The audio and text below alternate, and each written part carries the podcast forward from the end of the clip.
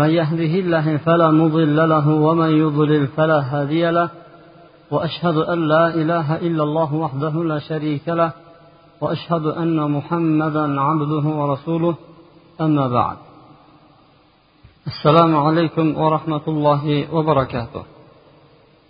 الله تعالى جاء hamdu sano payg'ambar sollallohu alayhi vasallamga salovatu durudlar bo'lsin sizlar bilan insoniyatga yuklatilgan buyuk ibodat va bu insoniyatdan qaytarilgan nihoyatda katta gunohlar haqida gaplashayotgan edik. Bularni asli bu katta ibodatni asli yakka ollohni o'ziga ibodat qilishlik bu narsaga tanhid deyilardi va katta gunohlar esa shirk haqida suhbatlashayotgan edik alloh subhanava taolo tomonidan kelgan bir yuz yigirma to'rt ming payg'ambarni hammalari shiori mana shu narsa bo'lgan. Ya'ni birinchisi allohni yakkaligiga chaqirishlik va shirkdan qaytarishlik. Bu kelgan payg'ambarlarni vazifasi bundan boshqa bo'lgan narsa emas. Masalan bu payg'ambarlar bir hunarmandchilik zaiflashib qolgan paytda hunarmandlarni rivojlantirishlik uchun kelgan emas edi. Yoki bo'lmasa dehqonchilik zaiflashib qolgan paytda shu dehqonchilikni ta'lim berishlik uchun yoki bo'lmasa ilmiy dunyoviy ilmlar susayib nihoyatda pasayib ketgan paytda bu dunyoviy ilmlarni kuchaytirishlik uchun emas. Yoki bo'lmasa tabobat meditsina olsizlanib qolgan paytda bularni kuchaytirishlik uchun kelgan emas edi. Payg'ambarlarni birdan bir vazifalari allohga bo'lgan yakka ibodatni kuchaytirishlik va allohga qilinadigan gunohlarni eng kattasi shirkdan qaytarishlik uchungina payg'ambar bo'lib kelgan edi. Bu haqida ham har doim har jumamizda o'qiyotgan oyatimizni yana bir marta eslab o'tamizki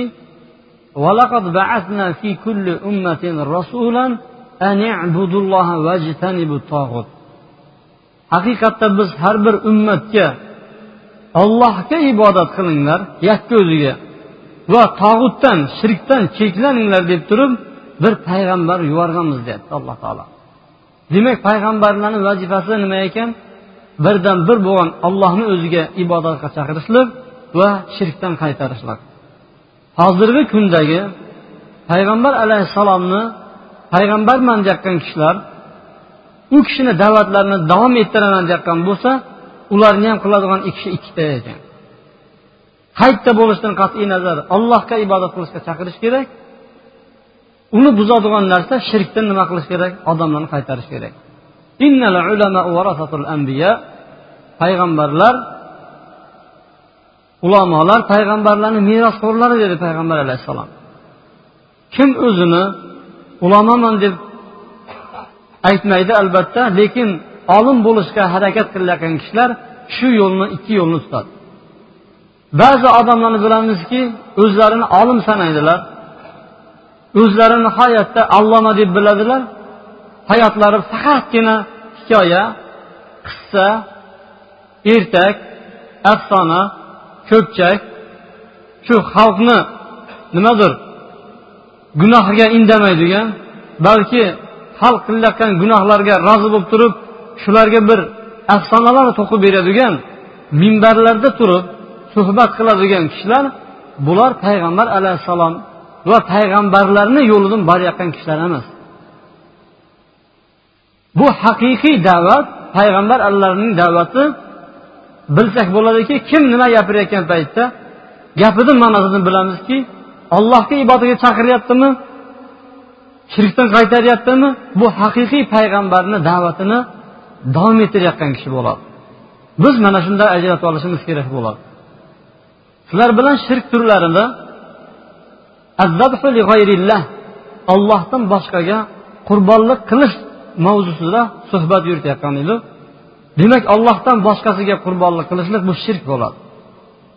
Shu bilan birgalikda biz sanab o'tdikki bu shirkni ko'rinishini ollohdan boshqasiga masalan kimlarga qurbonlik qiladi ko'proq? O'liklarga qilinadi ikkinchi ko'rinishi esa jinlarga qilinadi. Jinlarga qandoq qilinadi? Bizlardagi har xil aytiladigan gaplar bor lekin aslida u jin uchun qilinadigan ibodatlar. Masalan jonliq atab yuborishingiz kerak deydi. Bir odam avariya bo'lib qoldi tag'in avariyani tagidan butun qoldi hech tuzalib ketmayotgan bo'lsa shu jonga jon qonga qon deydi deb falch aytadi. Shu bir jonliq atab deydi. Er sherlarga yoki bo'lmasa bir narsalarga atab yuborsangiz yaxshi bo'lib ketadi deb qo'yadi. Bu shirkning ayni o'zi hisoblanadi. Yoki bo'lmasa qabrlarni tepasiga borib qurbonlik qilishni o'tgan safar aytdi shundoq desa bir odam aytishi mumkinki yo'q qabrni tepasida olloh uchun so'yiladi. Bismillah allohu akbar deb so'yiladi. U yerda u nimadir falon bir avliyaga falon bir o'likka falon bir payg'ambarga deb so'yilmaydi yerda bismillah allohu akbar deb so'yiladida buni umuman shirk joyi yo'q. Bunda shirkni hidi ham ko'rinmaydi deyaqqan birodarlar bo'lsa bugungi suhbatga quloq solishsin alloh taolo qur'oni karimda aytadiki la taqum fihi abada. لمسجد أسس على التقوى من أول يوم أحق أن تقوم فيه فيه رجال يحبون أن يتطهروا والله يحب المطهرين tavba surasi bir yuz sakkizinchi oyatlari bu oyatlar bizlarga nimani eslatadi bu oyatni avvalambor biz ma'nolari bilan tanishib chiqamiz payg'ambarimizga aytyaptiki sollallohu alayhi vasallam ey payg'ambar siz u yerda hargiz turmang. U yerda turmang dedi u masjidda. Avvalgi kundan boshlab taqvo ustiga asoslangan masjidda turing. Masjidda turishingiz siz uchun haqliroqdir. U yerda pokiza bo'lishni yaxshi ko'radigan kishilar borki alloh taolo pokiza kimsalarni yaxshi ko'radi dedi bu oyatni ma'nosi bilan tanishib chiqdiku endi tafsiri bilan tanishadigan bo'lsak payg'ambar sollallohu alayhi vasallam davrida munofiqlar nihoyatda ko'payib ketdi. Madinada munofiqlar ko'payib ketdi. Ana shu munofiqlar islom kuchaygandan keyin qaraydiki ularga mutlaqo yo'l qolmadi islomni qabul qilay desa qalbida islom ko'rinmayapti. Ochiq dushmanchilik qilay deydigan bo'lsa bu dushmanchilikni oldida o'zlarini hech kim emasligi aniq ravshan bilinib qoladi. Zohirda ko'rinishda musulmon lekin ichkarisi kofir bo'lib ketgan kishilar paydo bo'ldi. Bu kishilarni otini arab tilida munofiq deydi. Munofiq degan so'z nafaq degan so'zdan olingan nifoq nafaq degan tunnelni aytadi tunnel degani ikkita zamonni teshiq o'rtasi kavoq joyini aytadi xuddi kalamushlarni ham judayam ko'p teshiklari bo'ladidagi quvsangiz bu teshikdan kirib ketadidagi narigisidan chiqadi. Narigisga borib yugurib suv quyadigan bo'lsangiz bu yoqdan chiqadi. Alloh taolo ham ikki yuzlamachi odamlarni munofiq dedi bugun siz bilan bu beti bilan buni gaplashib turadida musulmoncha. Hayt yoqqa borgandan keyin ikkinchi boshqacha bir yuz bilan ular bilan ko'tarib yuboradi dedim bugun maytda sizni maqtaydi aytga borib sizni yomonlaydi payg'ambar alayhissalom davridagi munofiqlar qanaqa edi?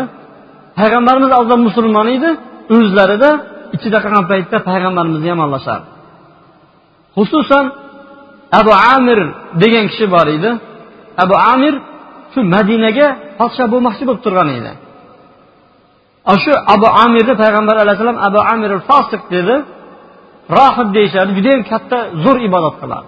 Abu amir judayam qattiq ibodat qilardiyu madinaliklarni nazdida u katta bir judayam bir ilmli ko'rinadi lekin shirkka to'lib yotganligi uchun islom kelgandan keyin uni da'vati bir payt bir paytda nima qildi zohir bo'ldi tag'in u kimligi bilinib qoldi tag'in unga hech kim ergashmadi. Uni ibodatlarini hammasi bunday aytgan paytda chippakka chiqib ketdi. Qalbida islomni nima qildi? Buzi adovat bilan tutdi tag'in basharasini musulmon qildi. O'zlariga o'xshagan munofiqlarni to'pladi tag'in nima qildi? Man rum viloyatiga borib turib rum viloyatidan askar to'plab kelib turib bularga qarshi jang qilamiz. Ungacha bir masjid qurib qo'yinglar. Hattoki musulmonlarni yerda avloyiq dedi. Shu bilan musulmonlarni adashtiraylik dedi. Musulmonlarni adashtirib ana shunaqa bir o'zimiz bir markaz tuzayiq tag'in. Man ungacha bu yoqdan bir askarlar bilan yetib kelaman deb aytdi bu haqida alloh taolo aytdiki masjidan diraran va kufran va tafriqan baynal mu'minin va irsadan liman haraballohu va rasulahu min qabl.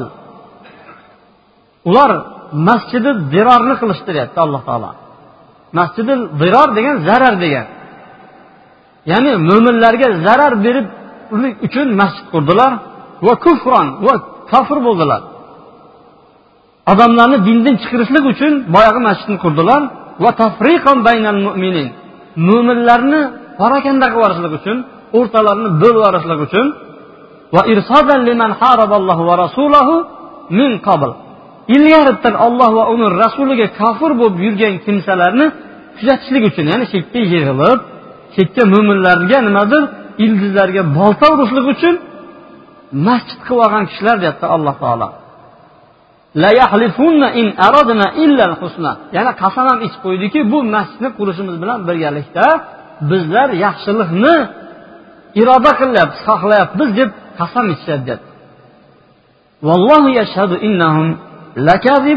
alloh taolo aytyaptiki guvohlik berib turib ular yolg'onchilardir deyapti payg'ambar alayhissalom oldiga kelib turib mana faqirlar judayam uzoq bo'lib ketdi masjiddan yaqin qishlarda borish qiyin bo'ladi shu bir masjid qurgan edim. Shu yoqqa borib turib bir namoz o'qib bersangiz deb turib payg'ambar alayhissalomni chaqirgan edi. Payg'ambar alayhissalom meni hozir vaqtim yo'q dedi. Bir g'azotga tayyorlanib turgan edi tabuk g'azotiga kelgandan keyin o'qib beraman inshaalloh dedi. Keyin bordi qaytayotgan paytlarida alloh taolo yuqoridagi oyatlarni nima qildi? Tushirdiki la taqum fihi abada. U yerda hargiz turma u masjidga borib namoz o'qimang dedi.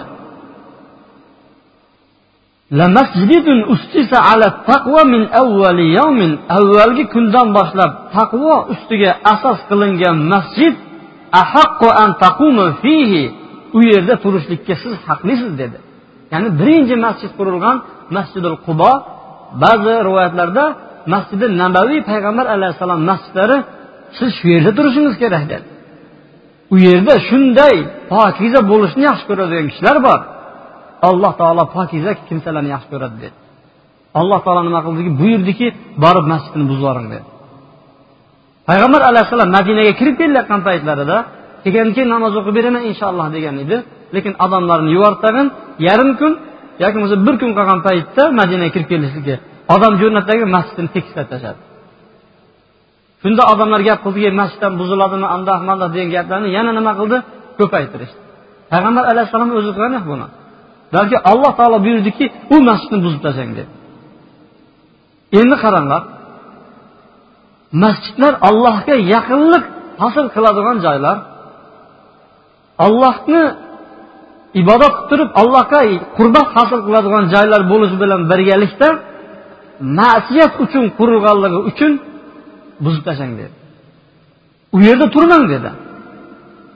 Siz turadigan joy bor deyapti avvalgi kundan boshlab taqvo asosida qurilgan masjid masjidil qubo bor.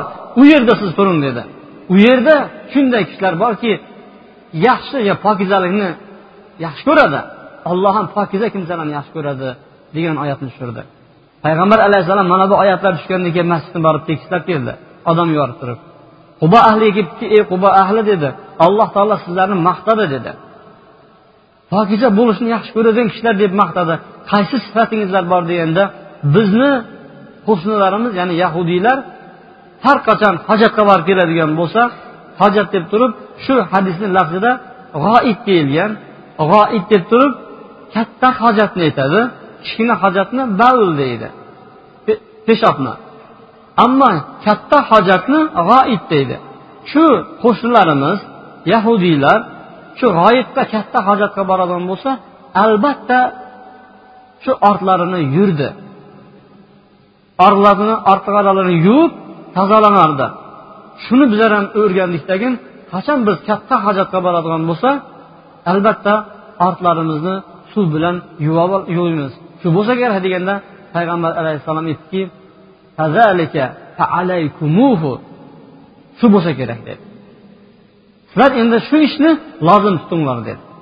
Demak alloh subhanava taolo pokiza kimsalarni yaxshi ko'radi. Pokiza bo'lishni bitta yo'li shu ekan boshqa yo'llari ham ko'p. Uni bir odam g'oyibga borgandan keyin ham kesak yoki qog'oz ishlatish bilan birgalikda shuni o'zi bilan cheklansa ham joiz shariat ruxsat beradi. Ammo uni ustiga agar suv bilan tozalanadigan bo'lsa bu sifatni alloh subhanava taolo yaxshi ko'rar ekan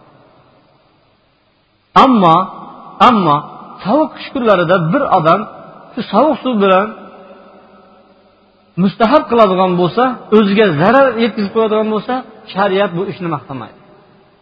La darara va la dirar. O'ziga ham boshqalarga ham zarar berish yo'q dedi. Hadisda alloh subhanava taolo o'zingizlarni halokat o'rinlariga tashlamanglar dedi. Aniq bilib turib qish kunlarida muzda suvda yurishdan yurishdan shariatimiz qaytaradi. Ammo hozirgi kunda va qishlarda iliq suv bilan yuviladigan bo'lsa alloh subhanava taolo yaxshi ko'radigan kishilarni safiga kirar ekan. Bu oyatni keltirishimizni maqsad nimadir? Bu oyatni biz qiyos uchun keltiryapmiz. Ya'ni o'xshatishlik uchun keltiryapmizki masjid allohga yaqinlashadigan o'rin lekin u buzuqlik maqsadida bo'ladigan bo'lsa u yerga borib namoz o'qishlik gunoh bo'ladi mumkin emas balki yetib tekislab borish kerak. Qabristonlar ham oxiratni eslab va ko'proq u yerda ibrat olinadigan o'rni lekin ollohdan boshqasiga qilinadigan qurbonlarni chetda kelib qiladigan bo'lsa u ham joyida emas. Bu nihoyatda chiroyli qiyos. Ammo bir odam aytishi mumkinki bu narsa dalil emas u durust bu qiyos. Uni bizni zehnimizga sig'dira bildik lekin u yerda ochiq aytilayotgan joyi yo'q bu oyatda. Qurbonlik qilinmasin deydigan bo'lsa men sizlarga amir ibn as payg'ambar sollallohu alayhi vasallamda rivoyat qilgan bir hadisni keltiraman. Bu hadis sahih hadis imom ahmad o'zini musnatlarida abdurrazzoq ibn shayba ham o'zini musnatlarida abu dovud va ibn hibbon o'zini sunanlarida rivoyat qilgan sahih hadisni yetkazib qo'ymoqchiman. Payg'ambar alayhissalom aytdiki la aqro fil islom la aqro fil islom islomda islomda o'liklar yotgan joyda qurbonlik qilishlik yo'q deydi sahih hadis payg'ambar alayhissalom hadislar. Islomda o'liklar yotgan joyda qurbonlik yo'q. Payg'ambar alayhissalom davrida bir solih odam ko'p qurbonlik qilib yurardi. Shu qurbonlik qilib yuradigan paytlarida u kishi vafot etib ketganlaridan keyin bu mehmonlarni kutardi uni mukofoti yaxshilikni mukofoti yaxshilik deb turib u kishini qabrlarini tepasiga kelib turib qurbonliklar qilardi. Payg'ambar alayhissalom xuddi mana shuni ustida nima qildi? Qaytardi. La aqrofil islom dedi. Islomda o'liklar bor joyda qurbonlik qilishlik yo'q dedi. Demak u olloh uchun bo'ladigan bo'lsa ham u mayitlar yotgan joyda qurbonlik qilinmaydi. Bunga ham agar qalbi xotirjam bo'lmagan kishilar uchinchi hadisimizga quloq solsin. Hadis sabit ibn bahak roziyallohu anhudan rivoyat qilinadi. U kishi payg'ambar alayhissalomni oldiga keldim deydi.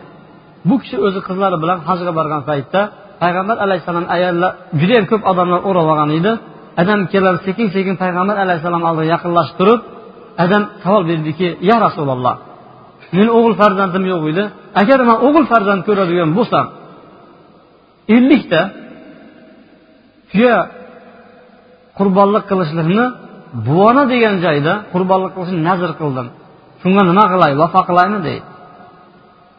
O'g'il farzand ko'radigan bo'lsam buvona degan joyda qurbonlik qilishni niyat qilib qo'ygan edim nazr qilgan edim shunga nima qilayman vafo qilaymi deganda payg'ambar alayhissalom nima dedi nazr haqida inshaalloh hozir gaplashamiz payg'ambar alayhissalom savol berdiki هل كان فيها وثن من أوثان الجاهلية يعبد u yerda johiliyat paytda ibodat qiladigan sanamlardan bir sanam bormidi?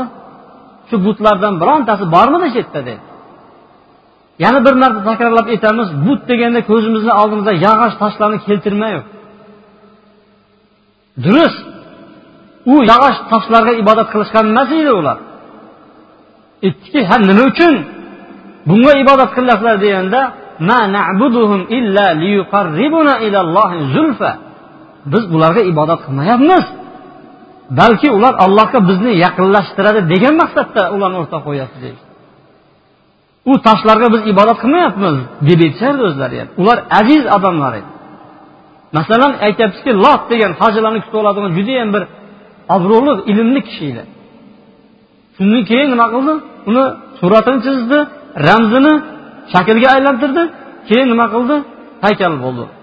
Shuni but deyishdi aslida butlar ulug' aziz kishilar bo'lgan payg'ambar alayhissalom aytdiki shu buvona degan joyingizda dedi. Johiliyat paytida johiliyat paytida bir butlardan birontasi bormi? dedi.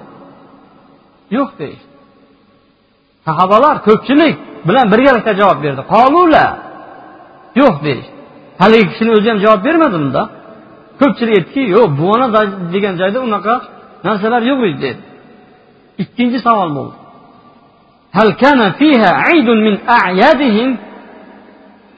shu johiliyatdagi johillarni yig'iladigan saylgohlari bormidi shu yerda dedi ya'ni bayram qiladigan yig'iladigan joylar bormi shu yerda bu onada deganda qolu la deyish yo'q deyish فقال رسول الله صلى الله عليه وسلم أوفي بنذرك payg'ambar alayhissalom aytdiki unday bo'lsa nazringizga vafo qiling dedi فإنه لا وفاء لنذر في معصية في معصية الله sababi dedi payg'ambar alayhissalom allohga ma'siyat bo'ladigan o'rindagi nazrga vafo qilinmaydi adam va odam bolasi o'zi moliki bo'lmagan narsaga ham vafo qilmaydi unaqa nazrga dedi masalan ko'chadagi bitta qul bor edi man shuni ozod qilib yuboraman desa u o'ziniki emas Shunga nazr qo'ygan bo'lsa ham yoki bo'lmasa manga undoq bo'ladigan bo'lsa qo'shnimni uyida katta baqirayotgan tanasi bor. Shuni man nazr qilib qo'ydim deydigan bo'lsa bunga ham vafo qilinmas ekan. Demak bu hadisdan ibn hadislarida shu narsani bilamizki ollohdan boshqasiga qilinadigan ya'ni shirkni hidi keladigan joylarida ollohni nomiga atab so'yib ham qurbonlik qilishlik mumkin emas. Chunki payg'ambar alayhissalom savollar berdiki shu yerda ularni sayilgohlari bormidi? Jahllarni yo'q. U yerda shu butlariga ibodat qilinadigan biron bir joylar bormidi? Yo'q degan paytda undoq bo'lsa nazringizga vafo qiling dedi. Demak ko'rinadiki ollohdan boshqasiga qurbonlik qilishlik shirk bo'ladi va ollohdan o'zigagina qurbonlikni ham mazorlarda avliyalarni oldida qilishlik bu ham gunohni turlaridan sanalar ekan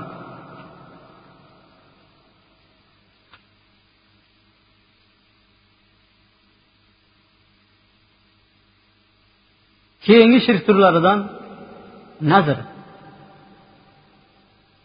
Nazr ollohdan boshqasiga nazr qilishlik bu shirk hisoblanadi.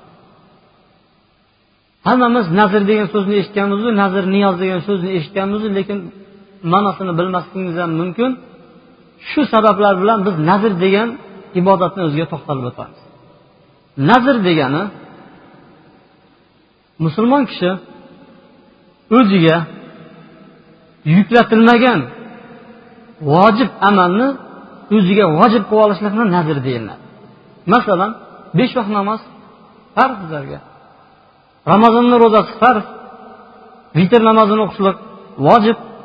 Ana shunga o'xshagan farz va vojib bo'lmagan amalni o'zimizga o'zimiz vojib qilib olishligimizga nazr deyiladi. Masalan olloh uchun man ikki rakat namoz o'qishlik man uchun nazr dedi. Uni o'qish kerak o'ziga vojib qilib oldi. O'qimasa gunohkor bo'ladi. Yoki bo'lmasa olloh uchun man qurbonlik qilaman dedi. Mana shu yozni o'rtasiga kelgan paytda man olloh uchun qurbonlik qilaman qurbonlik qilishlik olloh uchun meni bo'ynimda dedi. Xuddi qurbonlikdagi vojib amal qandoq bo'ladigan bo'lsa hayitdagi buni aytib qo'ygan nazri ham nima qildi? Vojib bo'ladi. Agar bajarmasa gunohkor bo'ladi. Nazr uch xil bo'ladi. Birinchisi alloh subhanaa taolo maqtagan nazr ajr bo'ladi. Ikkinchisi gunoh bo'lmaydigan. Uchinchisi makruh. To'rtinchisi harom nazr bular qaysilar? Alloh subhanava taolo maqtagan nazr bu nazr ibodat. Alloh taolo qur'oni karimda nazrlariga vafo qilsinlar deb inson surasida esa yufuna bin nuzur. Ular nazrlariga vafo qiladigan kishilar deb maqtayapti demak nazr alloh subhanava taolo yaxshi ko'radigan ibodatlardan baqara surasida ham aytadiki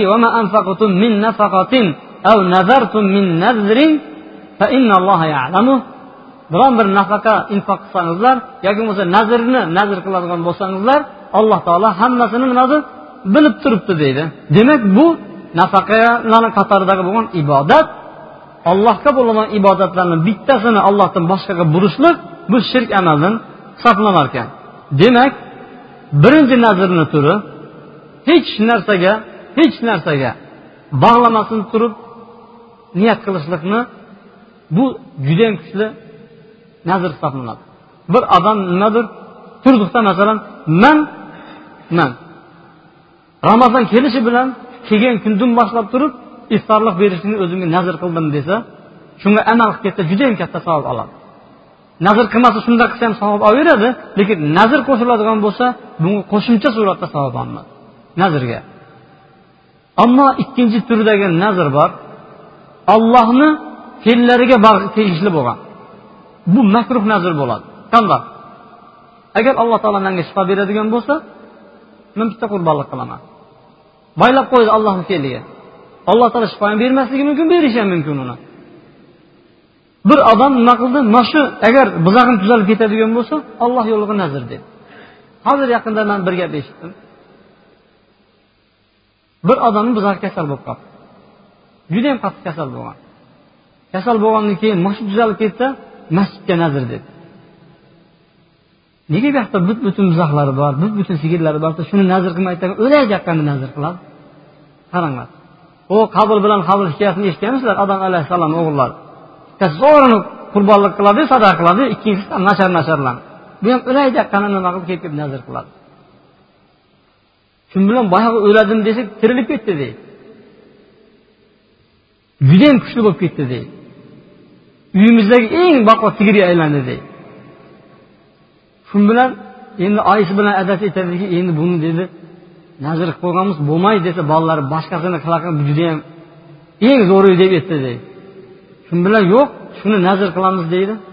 Shu bilan adasi olib borib turib masjidga olib borib tashlasa masjiddagilar nima debdi? Falon odamlar shunga olib borsangiz o'zi biladi deydi. Xuddi qo'zichoqni bo'riga olib borganda boyagi sigirni ham falon akasiga olib borib bersa u ham borib turib mozoratda qurbonlik. Demak nazr nimadir biron bir narsaga boylanib qolmaslik kerak. Agar mana shu shundoq bo'lib ketadigan bo'lsa man undoq qilib yuboraman yoki bo'lmasa alloh taolo manga o'g'il farzand bersa mancha sanga beraman. Ulfatlarga qarab turib agar man yaxshi bo'lib ketsam nimadir biz qiz ko'radigan bo'lsam bitta shashlik mantan bir choyxona bu narsaga boylab qo'yishlik bu makruh bo'ladi. Allohni fe'llariga. Hech narsaga bog'lanmaslik bu judayam alloh taolo maqtagan haqiqiy nazr bo'ladi. Ikkinchisi gunoh bo'lmaydigan nazr insonni o'zini fe'llariga tegishli bo'lgan. Agar man mana shu uyimni bitiradigan bo'lsam bitta qurbonlik qilaman. Shuni nazr qildim desa bunga gunoh ham savob ham bo'lmaydi. Qilolmasa nimadir? Hech zarari yo'q. Uchinchisi bu uchinchisi bo'ldi. To'rtinchisi harom bo'lgan nazr. O'zimizni qishloqda emas qo'shni qishloqlarda bittasi judayam qattiq inqirozga uchraydi ya'ni kasod bo'ladi. Kasod degani bankrot degani. Shunda aytadiki agar deydi man yana o'zimni o'rnimga qaytib ketadigan bo'lsam davlatim desa u mana shu qishloqlarda mana shu tarafdagi otini aytmay qo'ya qolaylik falon bir bir mazorat bor ekan judayam ko'rimsiz. Shunga bir maqbaralar qurib turibman. Tashana qilaman deydi. Shu bilan boyagi odam judayam kuchayib yana o'rniga turib turib boyagini qilmoqchi bo'layotganda endi domlani oldiga keladiyu. Man mana shunaqa mana shunaqa desa bitta domla aytibdi judayam savob bo'ladi debdi ikkinchisi aytibdi judayam shirk bo'ladi dedi shu odam qurdi deydi boyagisini shuni nima qildi? Qurdi deydi. Demak bir odam o'ziga o'zi va'da berib qo'yganini ustidan bundoq bo'ladigan bo'lsa undoq bo'ladi deyishlik mumkin emas. Bunaqa o'rinlarda ya'ni shirk o'rinlarda. Yana aytib o'tamiz misrda inshaalloh kelasi jumamizga qoladi bu badaviy degan bir kishini maqbarasi bor. Minglab yuz minglab odamlar haj qilishga kelishib shu kishini qabrini. Misr davlatida egiptda. Bir odam aytadiki man allohdan sakkiz yil sakkiz yil farzand so'radim alloh taolo menga bermadi deydi. Farzand bermadi deydi. Badaviyni qabrga borib turib so'radim deydi to'qqiz oydan keyin menga olloh farzand berdi deydi. Alloh subhanaa taolo sinashlik uchun mana shunaqani qilib turaveradi. Demak alloh subhanava taolo uchun bo'ladigan ibodatlarni bittasini allohdan boshqasiga burishlik shirk hisoblanadi. Nazr bu nimadir? Ibodat hisoblanadi. Ibodatni allohdan boshqasiga burishlik bu shirk bo'ladi. Goh o'rinlarda masalan nazrlarga gunoh bo'lmaydigan bo'lsa unga vafo qilinadi deb aytdik boya yuqorida payg'ambar alayhissalom bir g'azotdan qaytib kelgan paytda bir ayol chiqibdiki ya rasululloh agar siz shu g'azotingizdan sog' salomat qaytib keladigan bo'lsangiz man sizga bir duf jalib chalib beraman deb turib nazr qilgan edim dedi. Duf ayollarni o'zlarini o'rtasida o'yin qilishlik uchun to'ylardagi cholg'u asbobi bizlardagi childirmani faqatgina ish qilmasaqlari yo'q bo'lgan bir ko'rinish. Erkaklarni bu ish bilan shug'ullanishligi yaxshi emas. Lekin payg'ambar alayhissalom oldiga keldiki man shuni sizga chalib beraman deb turib nazr qilib qo'ygan edim deganda agar nazr qilgan bo'lsam chal dedi. Nazr qilmagan bo'lsam chalmadi yo'q man nazr qilgan edim deb keyin payg'ambar alayhissalom oldida nima qildi? Haligi kishi chalib berdi. Va umar ibn hattob ham payg'ambar alayhissalom oldiga keldiki yo rasululloh man johiliyat paytida masjidi haromda bir kecha nimadir shu e'tikofda o'tiraman deb turib nazr qilgan edim. Shunga nima qilay? degan paytda aytdiki agar nazr qilgan bo'lsang dedi vafo qil dedi. Demak bir odam bir odam johiliyatda bo'lsa ham ibodatda bo'lmagan paytlaridagi bir narsani o'ziga vojib qo'ygan bo'lsa ham islomga kirgandan keyin shu ishiga amal qilishlik vojib bo'lar ekan. Alloh subhanava taolo hammamizga ham ibodatlarini hammasini o'ziga buradigan o'ziga bajaradigan va u yakka o'ziga ibodat qiladigan va shirk va uni turlariyu hidlaridan uzoq qiladigan bandalarni safiga qo'shsin. سبحانك اللهم وبحمدك أشهد أن لا إله إلا أنت أستغفرك وأتوب إليك برحمتك يا أرحم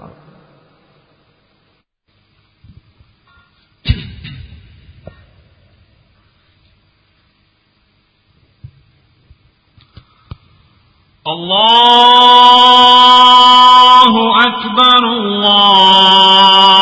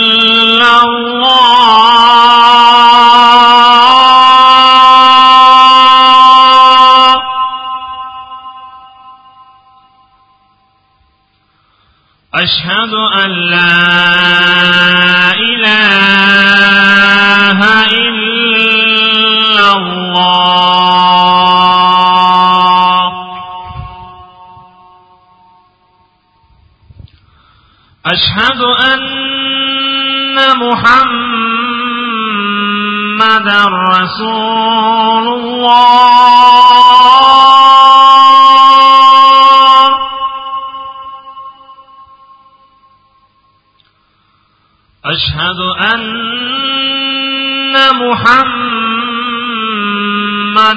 رسول الله.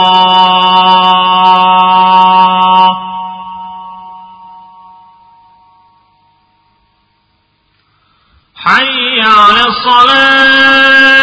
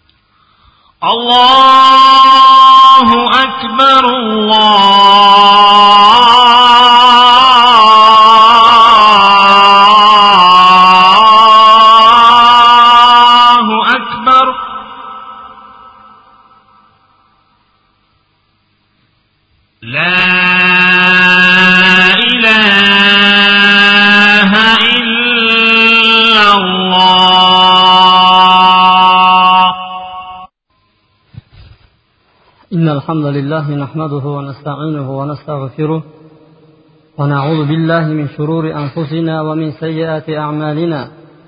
من يهده الله فلا مضل له ومن يضلل فلا هادي له. وأشهد أن لا إله إلا الله وحده لا شريك له. وأشهد أن محمدا عبده ورسوله. من أول بر o'zimni qolaversa sizlarni alloh subhanava taolodan taqvo qilishlikka chaqiraman chunki dunyodan olib ketadigan bizlarni eng katta zodimiz bu taqvo bo'ladi. Alloh subhanava taolo avvaliyu oxirgi kishilarni hammalarini taqvo qilishlikka chaqirgan. Allohni oldida hammamizni hech qanday farqimiz yo'q. Bizlarni kattamizdan kichigimizni oqimizdan qoramizni ayoldan erkakdan farqimiz yo'q. Faqatgina taqvo bilan ajralib turamiz. Alloh subhanava taolo qur'oni karimda inna akramakum indallohi atqokum sizlarni ollohni oldida hurmatlaringiz hurmatlirog'ingiz sizlarni taqvodorrog'ingiz dedi demak taqvodor bu qalbda bo'ladi. Payg'ambar alayhissalom ishora qilib aytdiki attaqvo hahuna attaqvo hahuna attaqvo hahuna deb turib qalblariga ishora qildi. Umar ibn hattob boshlarini quyi qilib turgan yigitlarga qarab aytdiki boshingni ko'tar dedi. Taqvo dedi boshni pastga tushirishlik emas dedi. Ba'zilar taqvo deganda badallarini mahkam tirishib turishni bu taqvo deb o'ylaydi. Bu taqvo emas haqiqiy taqvo alloh taolo buyurayotgan ibodatlarni bajarishlik va alloh subhanava taolo qaytarayotgan qaytariqlardan qaytib ketishlik hisoblanar ekan barakallohu li va lakum fil qur'anil azim. ونفعني بما فيه من الآيات والذكر الحكيم وتاب علي وعليكم إنه هو التواب الرحيم.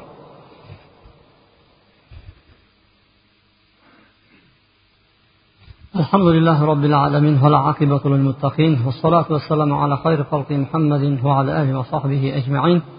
اللهم صل على محمد وعلى آل محمد كما صليت على إبراهيم وعلى آل إبراهيم إنك حميد مجيد. وارض اللهم خلفاء الراشدين المهديين أبي بكر وعمر وعثمان وعلي وعن بقية الصحابة أجمعين وارحمنا معهم واحشرنا منهم برحمتك يا أرحم الراحمين الله bilan tekislab to'g'rilamanglar arada bo'shliklar qolib ketmasin namozni boshlanib ketgan bo'lsa ham oldimizda saflar ochiq bo'ladigan bo'lsa yurib o'taveramiz allohu akbar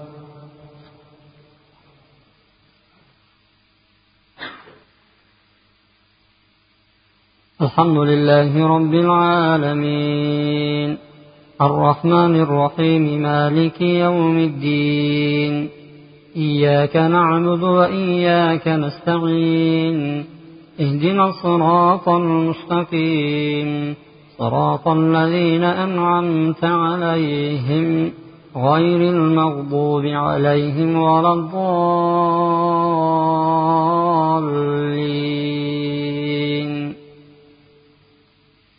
ألم تر كيف فعل ربك بأصحاب الفيل؟ ألم يجعل كيدهم في تضليل؟ وأرسل عليهم طيرا أبابيل.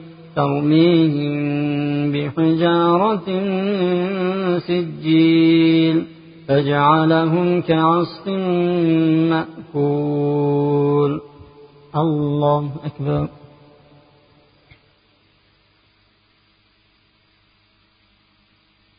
سمع الله لمن حمده.